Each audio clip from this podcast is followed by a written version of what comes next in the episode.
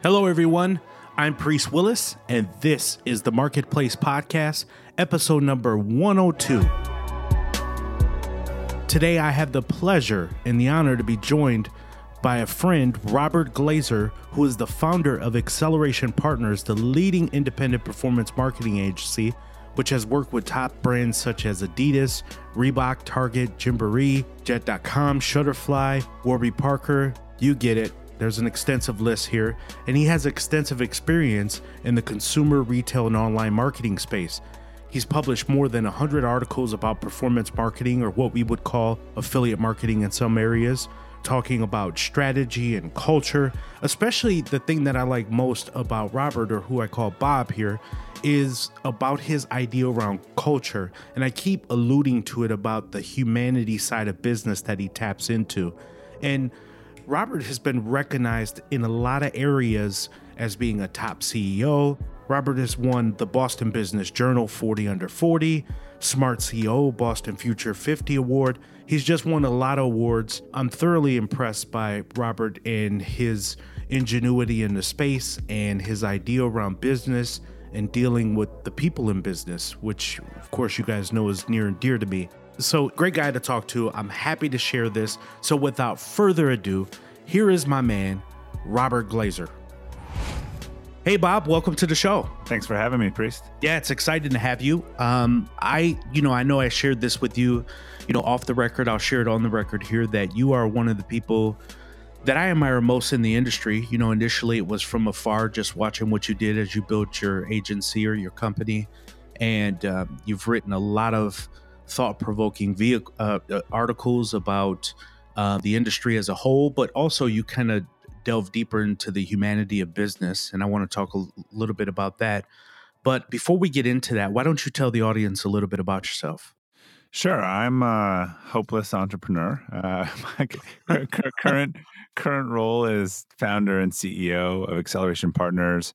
We are an independent performance marketing agency uh, I think the largest in the US and, and probably in the world because more has to do with the industry and it being very fractured rather than us being very big. Um, but we help brands, um, mostly consumer product and services companies, launch and manage large scale affiliate marketing and performance marketing programs. And we do that increasingly on a, on a global basis. So, were you, and you probably get this question often, but were you always an entrepreneur? Meaning, was it instinctual for you, or did you just gradually, after working at companies, evolve into an entrepreneur?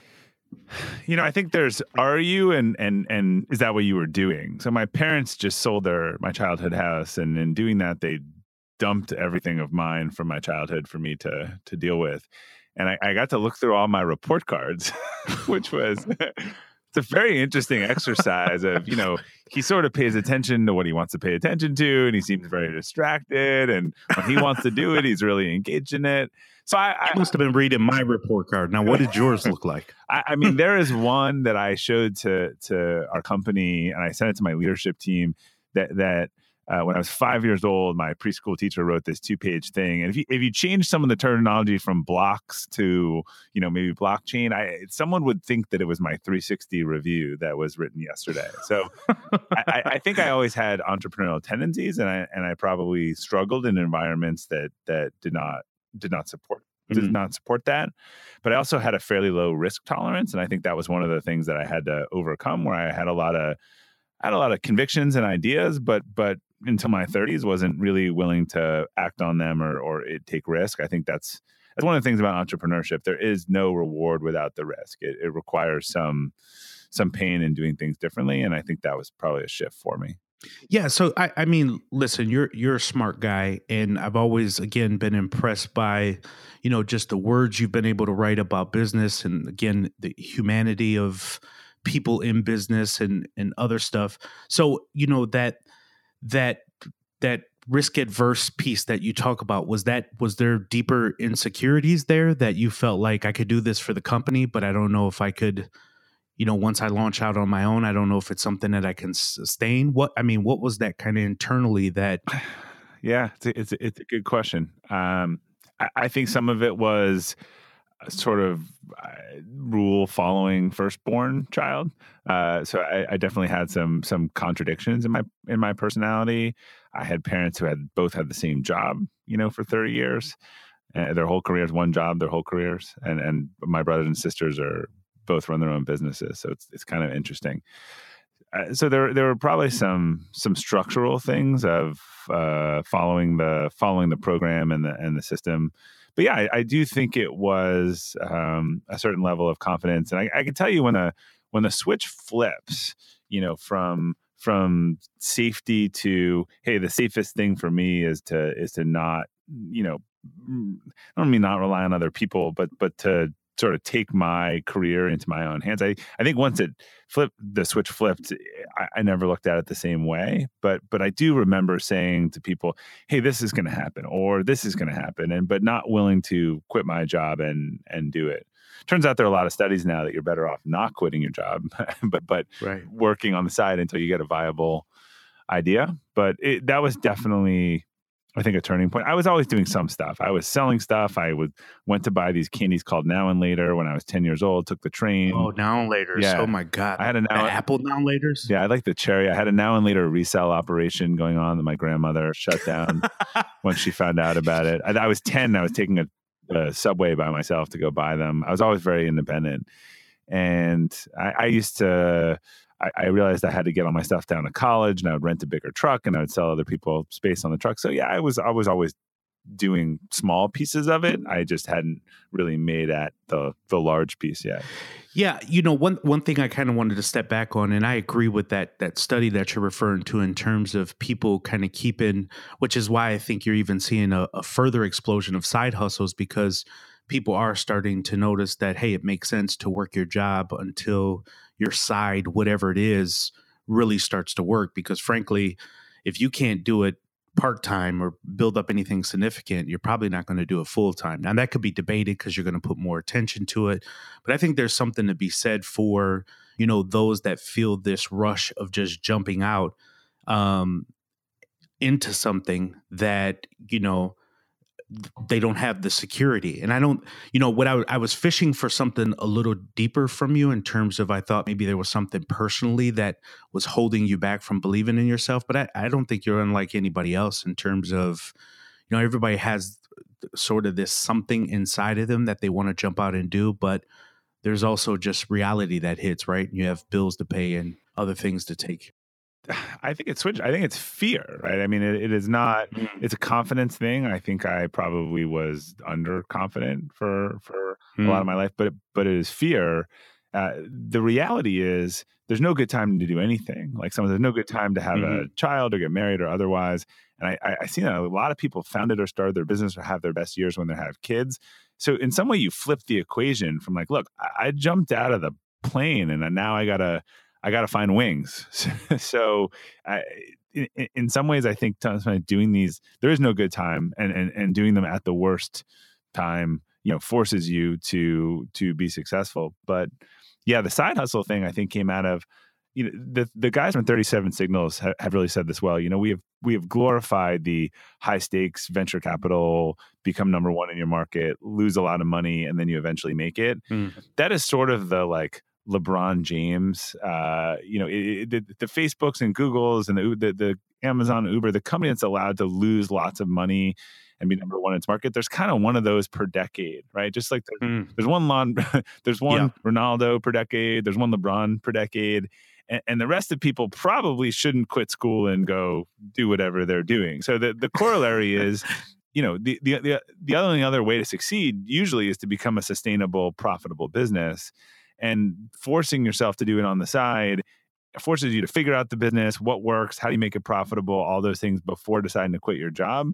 There just aren't that many of those businesses that get permission to lose tons of money and grow big and where that works out. We hear about the winners, we just don't hear about the 99 percent of losers. Yeah. yeah. And, I, and I remember the CEO of 37 Signals talking about this. You know, there are 30 people and 40 million in revenue. And he thinks that these lifestyle businesses, you know, the venture capital community puts the word lifestyle business on it and makes it sound derogatory. And and yeah, he said like he considers finding profit and, and a business model like staying in school.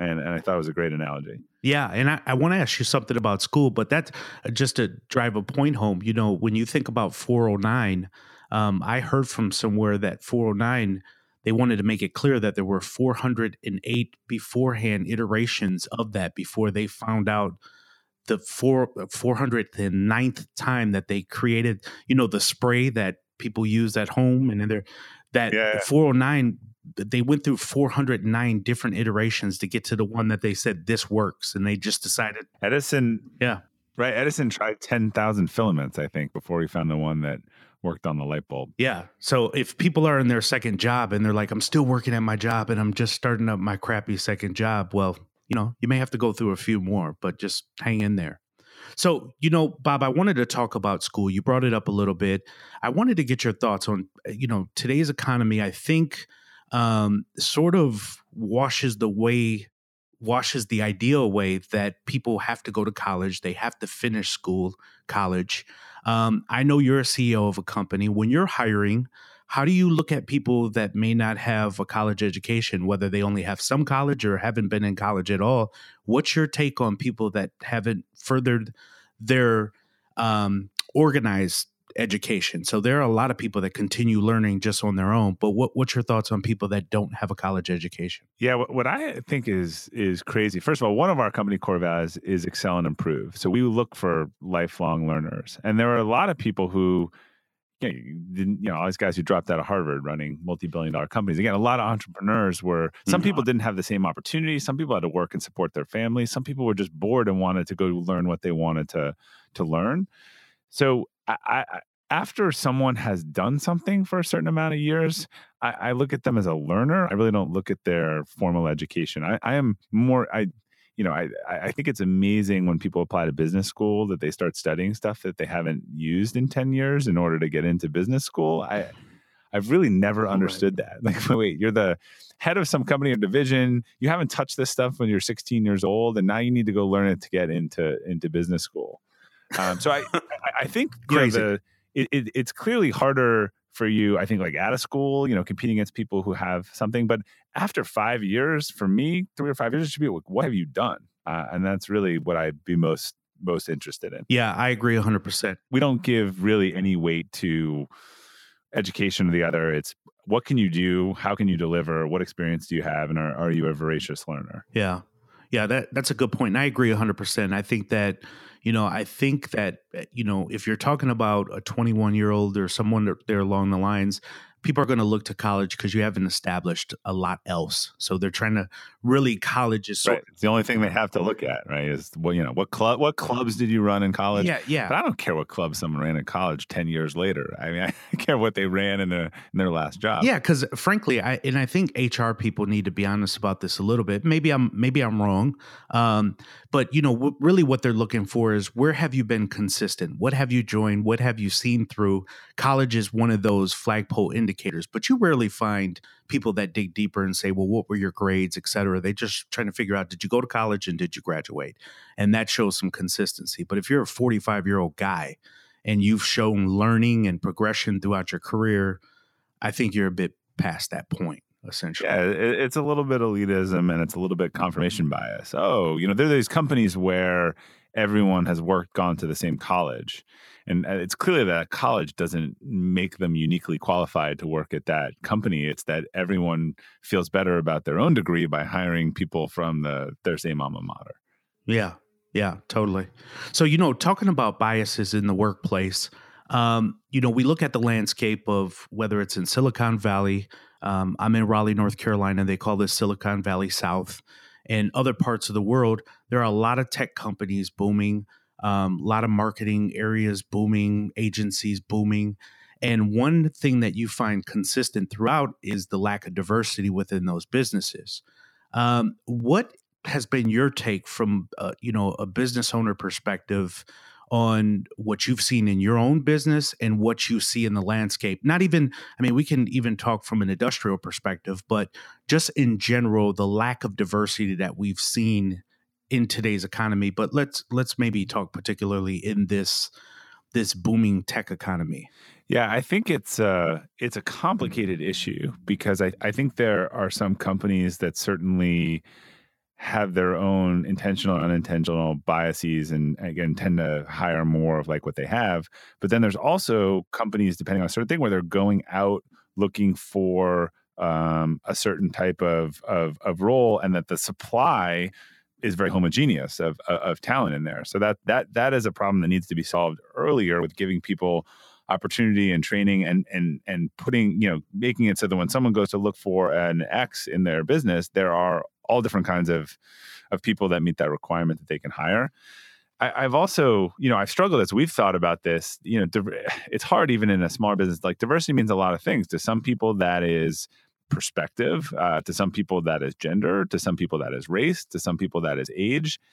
And when you start to try to act around uh, smoothing those things out and then meeting your needs, it's it, it's not so easy. I think mm-hmm. idealistically, you can say, um, you know, here's what we'd like to do. I, I, I, the perspective I've always taken is, you know, we revolve a lot of things around our, our core values, and um, so we these are our values. These are what value on our organization. We are really looking for anyone who agrees and and wants to be part of those four core values. I don't care, you know, age, race, any of these things, you know, don't matter as much. But then there's industry, right? And our industry definitely skews towards certain demographics and aging in, in, in ages in, in, in, certain roles. Um, if we just put a job out, that's who that's where the supply is going to come from. So I, we've th- thought about it a lot. I, I there it, like mm-hmm. most complicated things, there's not um, an easy answer and I, I, think that but we really we do a lot of even personality testing and i can say like mm-hmm. you know really we try to make sure we want differences of opinions. That's where good ideas come from and differences of perspective and i've gained a lot from traveling. But then the same way as a ceo of a company you're saying look this is my this is my mission and my value my goals. And first and foremost i, I care that the people that that want to work here you know believe in those things because if they don't then that that doesn't work from a different perspective so mm-hmm. I, we've talked about a lot i've thought about a lot it is it is complicated um, I, I think I think each company needs to define what that means for them, diversity means for them. They need to have a plan around that. They need to make sure they don't have unintentional biases. But depending on their industry, I think you want to make sure that people are getting the training and have mm-hmm. access to the training and education stuff in whatever that industry may be. Yeah, I, I, think it's clear that some companies, uh, you know, Uber, Apple, some especially the larger ones in in the on the West Coast, there have tried to respond to it by throwing kind of a diversity chief manager, whatever you'd like to call them, at it. Yeah, and then create curriculum and all that stuff. And I'm not poo pooing that. I'm just saying that to your point, I do think it's a larger larger issue than even that because if you look at the trend of it, and again, diversity I agree with you 100%, can mean a lot of different things. In this case, you know, if you look at it from African Americans being um, hired in the jobs or something along those lines, you, you tend to see that the trend is still flat year over year, even though you see the success rates of colleges and, and especially the younger younger generation coming out with those same tech skills still seem to be under undervalued, underappreciated in some areas. So um, but I, I, I definitely like your perspective on you know kind of the things you're trying as a manager, as a person, as an owner of a business to kind of you know crawl through that and and the fact that you appreciate that you know there's layers to it and it's just not an easy fix by throwing a diversity chief at it if you will no it's not an easy fix i mean we're we're uh, our company is i think probably about 75% women mm-hmm. and again it, it is it is more to do with I think the industry that we're in, yep. uh, and where the talent comes from. And they're they're you know we finally just started a training program which gives us a lot more flexibility, but we've had to hire from where people have training. So then it looks like whoa, where did these people work and where do they have training? So it's yeah, it's it's it's not easy, and I think a lot of people trying to overcompensate can can create different problems. And uh, yeah, if mm. if it was easy, people would figure it out. But I, I I mean, I've written a lot about travel. I, I have I, going to different cultures, different environments has given me some of the best perspective on new ideas. Go to another country and they're like, why do they do mm. this differently? Like I, you know, I still can't understand. The U.S. is the just a small mm. thing. The, you know, we're the only ones that that that don't ring up the credit card bill at the table with a mobile unit and this whole process of going back and forth with a tip. I, I just had all kinds of interesting interactions over the years that have really informed my thinking in my business. So I, I, I love new ideas. I love different perspectives. Um, but but I think as a business owner, for me, the one non-negotiable is this is this is what our company values and this is where we want to go. And, and so if you don't agree with that, then it's probably not a good fit. But literally, uh, everyone else is is welcome. And and someone got into a little bit of a debate with me around this uh, around well, we should have every kind of opposing view and and I, I think it's just a little utopian, right? A a a club of meat eaters that's started it probably doesn't want a bunch of vegan members in it right i, I, I just I, I, I, totally agree with the perspective but I, think that you know life is about kind of finding your tribe and that, that looks differently for, for for different people i think as a business owner or a company that has a purpose like that that's the reason you exist. So I, I, think that's a very reasonable standard to think that I don't want to bring in people who don't agree with our mission, our value, our goals. That that just wouldn't make a lot of sense. Yeah, and uh, you know, as long as people are are marching towards being better and at least honestly observing their situation. So to your point, if you've observed it and said, "Hey, the fact is the fact. We're we're meat eaters here, and that's what we do. So that's why we don't have vegans." That's fine.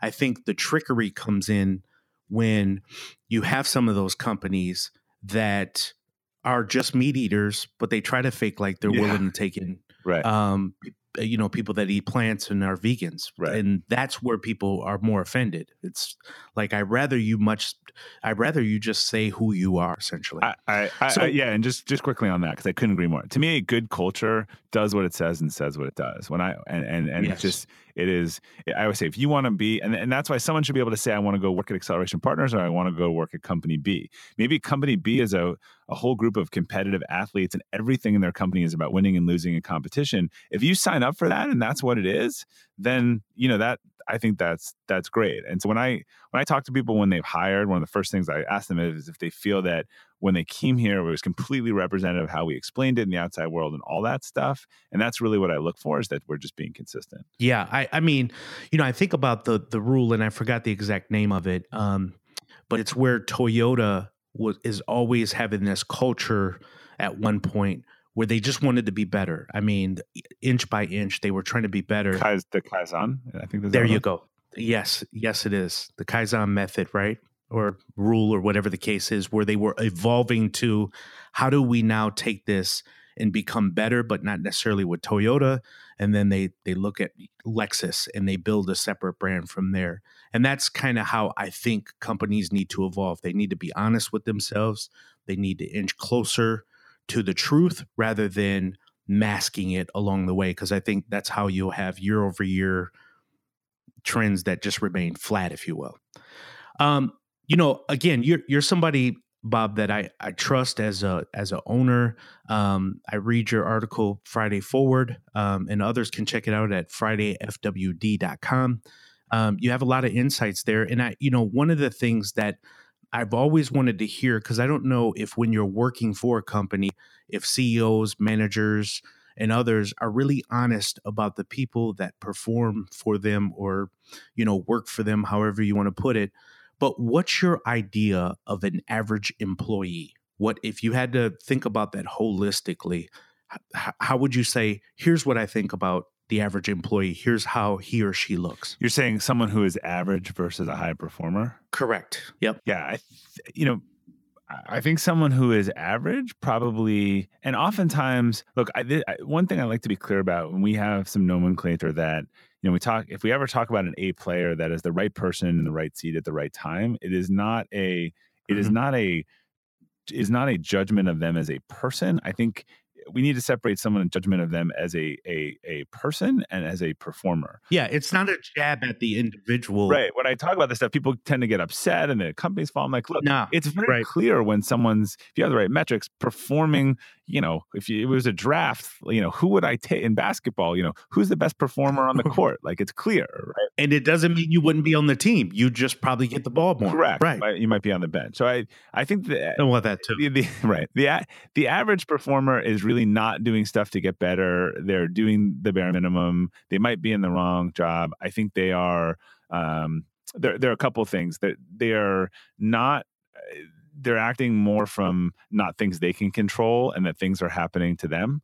Uh, what I see is great performers like I can control what I can control, and I take care of that. Other the folks who are average tend to blame other people and circumstances and and situations and they're also just not motivated or or excited by the the work. So I think if you have the right metrics or KPIs, then then average is just becomes a an output of those numbers to really say I get I use sports analogy a lot because I think there's so many things that are so clear in sports that aren't in business where the game is over mm-hmm. and player A scored 30 points and the and they played the same minute as, as the other person who scored you know 10 points and shot terrible and it, they would just have a much clearer uh, understanding that they didn't have a good game.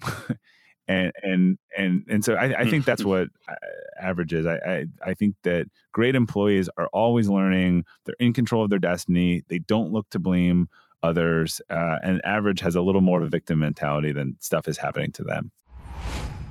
Does the words Bitcoin, Ethereum, digital currency make sense to you at all? Have you ever heard of people talking about cryptocurrency? If you're interested, and if you're interested in buying and selling, then the best way to do it is with our sponsor today, Coinbase. Coinbase was founded in 2012 and is a digital currency wallet and platform where merchants and consumers can transact new digital currencies like Bitcoin, Ethereum, and Litecoin. They're based in San Francisco, California. Bitcoin is the world's most widely used alternative currency with a total market cap over 100 billion. The Bitcoin network is made up of thousands of computers run by individuals all over the world. If you want to start today in purchasing Ethereum, Bitcoin, and Litecoin, go into today's podcast notes, download the link, and get started today. So, how do you you know, in sports, it's easy. You can look up at the scoreboard and say, yeah, you scored two points. You got yeah. one block. You didn't do that great. I scored 30. I had 10 blocks. How, how is that weighted for the average employee? So, again, they're on the team, they're on the bench, and you're not necessarily trading them or kicking them off the team. You're keeping them on for some purpose. So, how is that weighted so that they could, you're at least presenting the numbers, if you will, or the score so that they could improve? It's really about clarity is the company clear with everyone with their goals, how they track it, what success looks like, what failure looks like? Mm. There's some great writing on this around, you know, the need to have all these numbers and the stats and and and the whole why open book management, which we use, is really popular. And the guy, I can't remember, was Jack Stack, um, uh, who's one of the pioneers of it, said something like, "Would anyone go to a basketball game where they didn't know the the the clock and who was winning, right? Would you just go watch people sort of playing and not not know the score? Uh, mm-hmm. so I think that's when it's coming on on companies say, look, here are our goals. Here's what this means for each individual. Here's the score. Here's how we measure it.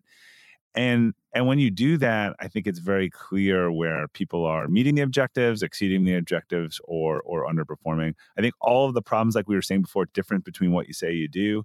And here, it's like eh, the worst thing you could possibly have is where someone thinks they're doing well and then the manager doesn't because some then the objectives haven't been made clear. So everyone's mm-hmm.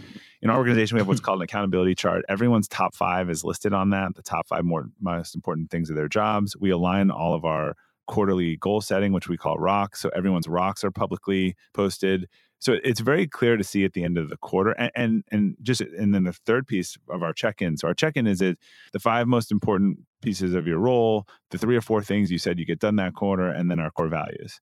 So it, it becomes very not subjective around how you're performing. Mm, I like that. I like that. I think it and it keeps you really accountable, not to the others around you, but to yourself. Frankly, I mean, and I think that's well, a different. Yeah. And sorry, go ahead. No, go ahead, Bob. No, I was just gonna say when you do that, I think people that know they're not a fit will opt out. They they you know I, th- I think that's the one thing with millennials that I think where they've gotten an incorrect uh, rap is that if they're clear on the you can hold them accountable as long as there's a purpose and and the objectives in the game are clear. And I think if they can't meet those objectives, they they will opt out or they will they will make that decision that it's not the right fit for them. Yeah. For sure. Yeah, I, I, I never get this thing why millennials get such a bad rap in, in so many areas. I mean, you know, I'm a Gen Xer, so I, I'm not even sure if I've seen the pressure or the the critique so strong at such an early age when I was beginning in the workforce as how people do the millennials. And I think there's so much more data out there and all this other stuff that they're just judged right out the gate. It's it's kind of incredible to not. You know who should get a lot a lot more? Uh, really, they they shouldn't get judged, but but I think you know who should get judged is their parents. I mean, that's really the Mm. problem. It's, not the millennials; it's the parents of the millennials. And I and I think using that.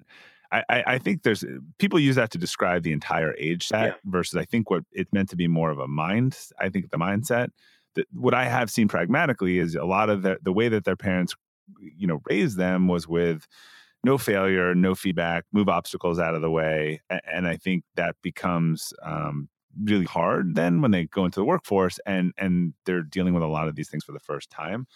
But I think that describes. uh, I've seen that more as a specific set of of parenting Mhm. uh, skills Mhm. rather than it applies universally to to everyone. But yeah, people should stop blaming blaming millennials and they should blame their their parents. You know that they they they Damn they're the parents. ones they're the ones who instilled those the, those values and principles. Yeah. So listen, you you uh, you you have a lot of content out there, articles that you've written, things you feel passionate about. Um, of course, you have the agency Acceleration Partners, um, which is a, a amazing agency, by the way. So just as a quick plug, um, me and your team have worked together on the Lenovo side of the business, and you have a fascinating staff. So I can tell everything. I can tell the audience honestly that everything Bob is talking about here is very apparent in his staff. I mean, you don't have any any openings that looks like you're just kind of given the fluff. It's it's really there. So I I can certainly appreciate everything you bring to that perspective.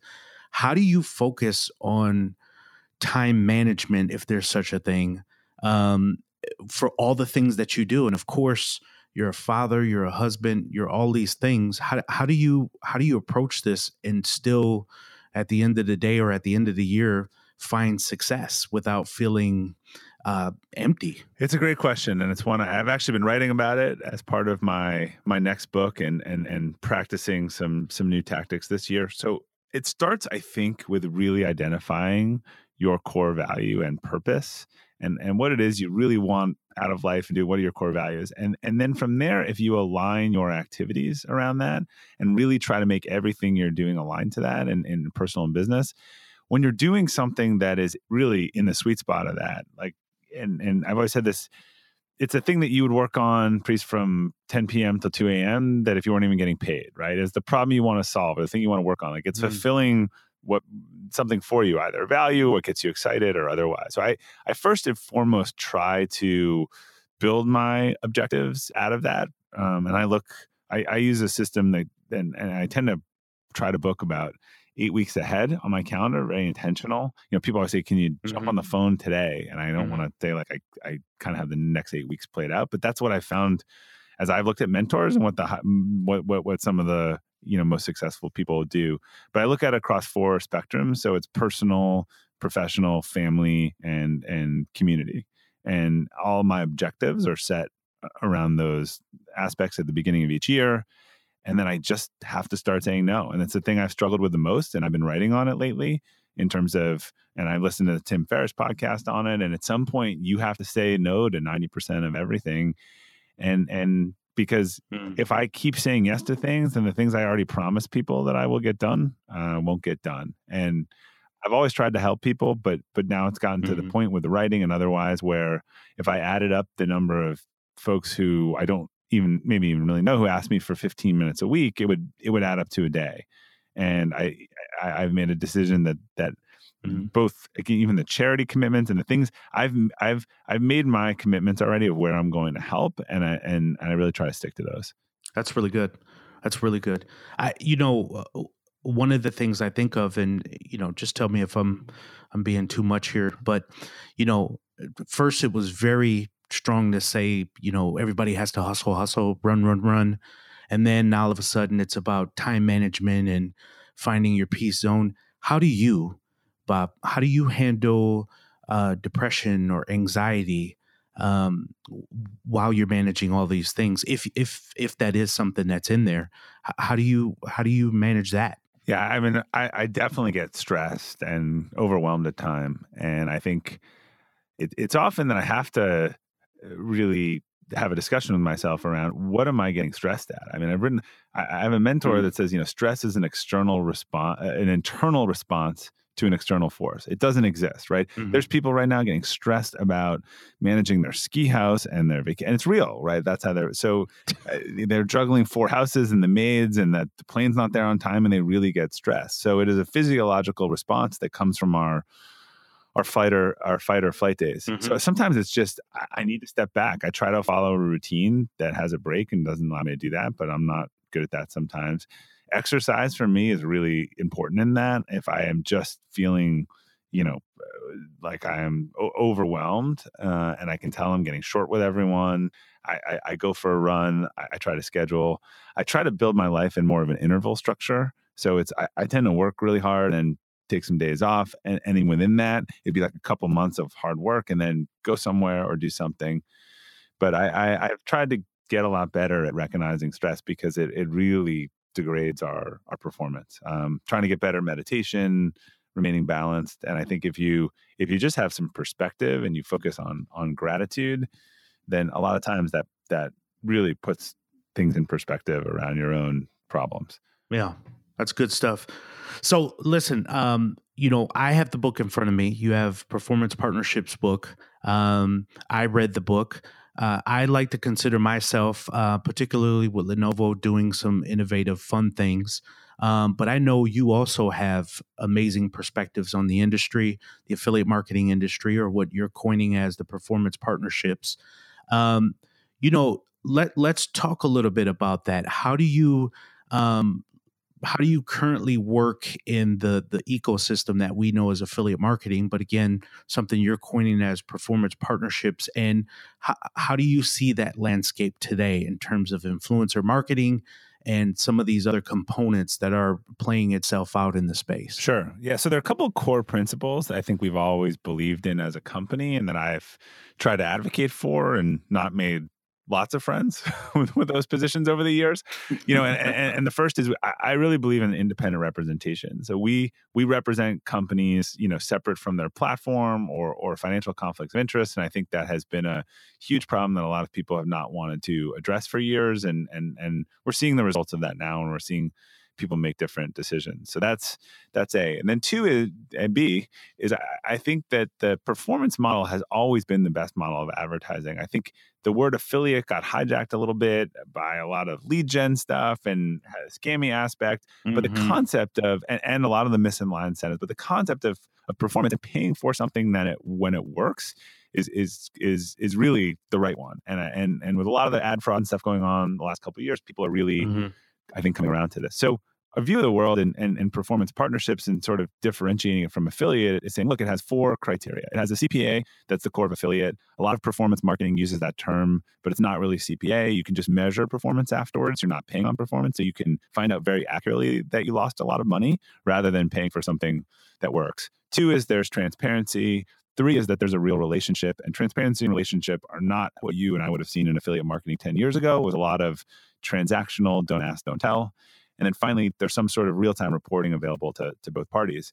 And, and, under that definition, I would say you have your traditional affiliate marketing program, but you have all kinds of other things you could roll into a platform, particularly if you license uh, a SaaS platform and are paying a fixed fee for that and it's under your name. Some of the things that have a more business development element to it, partner marketing, influencer marketing, things that where you were generating the publishers and and, and didn't necessarily want to you know put that back on a network, pay a performance fee, and and, and share them with other with other partners. So I, I, what I see is I see the sort of performance partnerships going to 40 or 50% of marketing. I think everything is going to be identified, tracked, and and paid if it works. But you know, we've talked about affiliates not really a channel; it's kind of a business model. I think that that will represent all types of different elements of of marketing. Um, but I, I, don't see a lot of companies want to just pay for inputs anymore. I think they're going to want to pay for outputs, and you're in a great position, right? I, I mean, running this channel to, uh, to say to either agree with that and say, yeah, that's what we're doing, or or or no. I mean, if I said to you, hey, would you ever rather pay for me working hard, or rather pay for my my outputs? You'd probably pick the latter. Yeah, yeah. No, I I think it is. I I think it is the right perspective in terms of the business, and um, I I've also you know kind of evangelized this throughout Lenovo. Um, for a long time, as you mentioned, people looked at affiliate marketing as kind of this bottom feeder um, system when really if you change people's perspective not necessarily um, the way it's done as you mentioned that you know it's largely pay for performance or cpa cost per acquisition. Um, you know uh, if you change people's perspective and say there's a lot of other elements that you can add to it for example one of the things we're doing is plugging in a lot of b2b partnerships uh, with lenovo and still running that through our our affiliate um, or partnerships business um, I think you know people will start to see that you truly can build a business that way and almost kind of you know for all intents and purposes and I've said this in the past to others you can literally have affiliate marketing as the beachfront of your business. I mean you could run other demand gen tactics through affiliate marketing and it not be black hat or scammy. And so I get why people think affiliate marketing is is black hat, but you can find black hat in SEO, SEM, yeah. law, email, legal services. You know, it's, it's everywhere. Yeah, I mean, you could you could have that conversation all day. Um, so I think you've done it the right way. I think the book is amazing, and again, we're going to have that linked up because if you're if there are people out there that want to get into the digital marketing space, this is really really a good book um, that I think you should start with, honestly. And even if you you just want to become an affiliate manager, I've had people that say, "Priest, how do I get started at becoming an affiliate manager?" Honestly, I, I would shoot them this book and say, "Here, st- start here." Um, I think it's a practical approach to uh, how we look at um, the digital marketing landscape today. Yeah, and it just released on on audiobook this week. So a lot of people have been asking for that, and that's out there now. So while you're biking or running or jogging, you can cool. uh, you can listen to it as well. Totally, we'll have a, we'll have a link for that. So let me ask about something that's new, and I'm not asking for it because it's it's chic yeah. to talk about. I, I, really do think there's opportunities uh, within the performance marketing space uh, for for blockchain um, which is separate from the cryptocurrencies. You and I have had discussions about this offline, but since we're talking online here and for the benefit of the listeners, what is your thought about thoughts about blockchain in performance marketing? Yeah, I wrote an article on this recently, and I think there there are a few things. I mean, from a processing standpoint, um, I think that blockchain-like technologies will probably offer more options and, and lower transaction costs the, the, interesting thing is that I think a lot of people use the term blockchain they don't even know what it means, and, and, and the core, you know, the core element of it is a distributed ledger, and, and there's a real question of whether you need a distributed ledger for a lot of these things. A lot of what blockchain is promising, which is you know faster payments, smart contracts, scalability, transparency. That's the type of stuff of why people are moving towards SaaS platforms or more uh, licensed mm-hmm. products. I, there, you know, there are going to be some pure play uh, blockchain companies. I think the really interesting aspect mm-hmm. of blockchain affiliate will start to come in terms of compensation, and we're already seeing Rakuten talk about a coin and its loyalty uh, program that integrates Ebates. I think you're going to see more. Again, the hype doesn't match someone moving their loyalty program to a cryptocurrency, I don't think is a 10x, you know, uh, improvement on life. Like, but but it's interesting. So now now you have these loyalty dollars, and you could potentially reward partners in them, or you could reward them at a higher level in cash for these points, and then their points they could trade them. Or so there's a right, lot of interesting right, things. Totally. You'll hear all these totally. pure, pure play companies come out.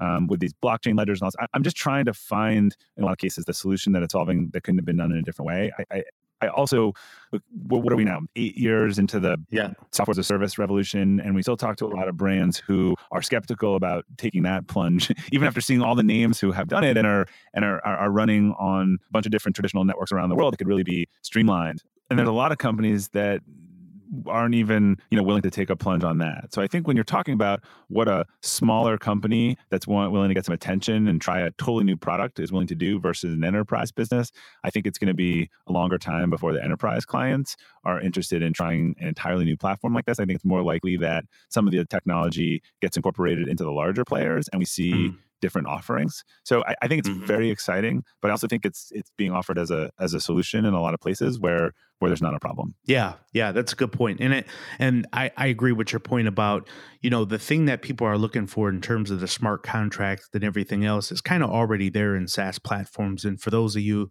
interested in that, just kind of go out and look up SaaS platform networks. In fact, somebody emailed me yesterday and said, Priest, there's not a lot of transparency in affiliate marketing, blah, blah, blah. And I responded back and I said, look, you you just have to now typically when you work with companies that have their own proprietary software or they buy the $99 box online, then yeah, there's some limited transparency with that sometimes. Uh, whereas when you're working with these SaaS SaaS platforms that Bob is alluding to, there's a lot more transparencies. And the merchant is already trying to make one effort by working with a third party network, if you will, and kind of opening that data up to you. So you have essentially access to see what they're seeing from visits to sales, et cetera. So um, I think the blockchain, I, I like the fact that you called it out from a loyalty perspective. I think there's something there for that. But yeah, on the flip side, I think a lot of these platforms out there today, at least the SaaS ones, are kind of already the solution to what people may be looking for from a blockchain perspective, which again is separate from cryptocurrency, which is Bitcoin or Ethereum or Litecoin or something along those lines. Yeah, and as a brand, you could probably speak to that, but you guys are probably not going to make your transaction ledger public. I mean, there's a certain amount of privacy Oh, that goes into this as well. So, totally not. Totally not. Because at the end of the day, and I'll just speak to Lenovo. Lenovo's a Chinese company, so that that creates its own um, separate mess. Nonetheless, that even if we were U.S. based, it, it that probably still wouldn't be the case, right? I mean, you know, companies don't want to start opening themselves up like that. So, Bob, you've been gracious with your time. I really appreciate it. You know, I want to wrap up here and, you know, just ask you, you know, people are listening. Uh, they're inspired by the content that you're putting out, the growth that you've had in business, you know, the teams that you're leading and continue to build. You know, what would be things that you would share for those that are either taking leadership positions in their company or just becoming entrepreneurs and kind of leading their own destiny, if you will? What what's some advice you would share with them? I, th- I think the most important thing for individuals and companies is to get aligned. Um, one of my favorite quotes, and the one that really kind of impacted my leadership journey, was uh, a Gandhi quote that said, "Happiness is what when you think, what you say, and what you do are all aligned." And I, I, it just it just becomes so easy, right? If if what's in my head is what I talk about and is what I act about, and in terms of the company we talked about before, I think a lot of the problems are people saying one thing or doing another, or leading in a way they don't mean, or working for a company that they don't believe in. I I, I think that authenticity mm-hmm. rules at the end of the day, and and if, if you know, be authentic, and then find people that that really are aligned to you and care care about that. There there are probably many, I, I, try to be as authentic as I can. There are probably a lot of people who don't want to do what we're doing or don't like what we're doing, and that's great. At least I've put that out there, and and then it's self selection. Good stuff. Bob, if people want to reach out to you, they want to talk to your team, they they have a business that they want to get into the affiliate marketing space or performance marketing space, share your contact information, share where they can kind of look read the content that you and I have talked about today. Feel free. Sure. We have tons of content, podcast, case studies, and everything at accelerationpartners.com. Uh, you can find all of the stuff that I do at my personal site, uh, Speaking Friday Forward, all that stuff at uh, Robert glazer.com, all one word. And if you want to sign up for Friday Forward, which is my weekly newsletter that goes out to about 40, 45,000 leaders around the world now, mm. uh, that's at fridayfwd.com. Bob, you've been amazing, man. Thank you so much for your time. I really appreciate it. Thanks, Priest. Hope you guys got something out of that. You know, people ask me all the time, Priest, how do I get into performance marketing? How do I get into affiliate marketing? Listen, a lot of times I'm listening to smart people like this honestly, I hate to say this as a cliche, but we're all given 24 hours a day. And I'm taking in podcasts, audio content, and I'm not just relying on my own knowledge, I'm listening to other people. And that's why it's important for me to have uh, Bob on today was so that I could share that with you and share what I listen to and what I read. Look, his book, Performance Partnerships, if you want to get into the performance marketing space or you want to get into affiliate marketing, I, I, promise you, this is the number one book. I, I read this and I happen to read it early. This is a great book for you to read just as a foundational piece. So I hope you got something out of this. Thank you again for your feedback on iTunes. Please share this with those that you think would be interested in this. I look forward to seeing you next Sunday. Talk to you then.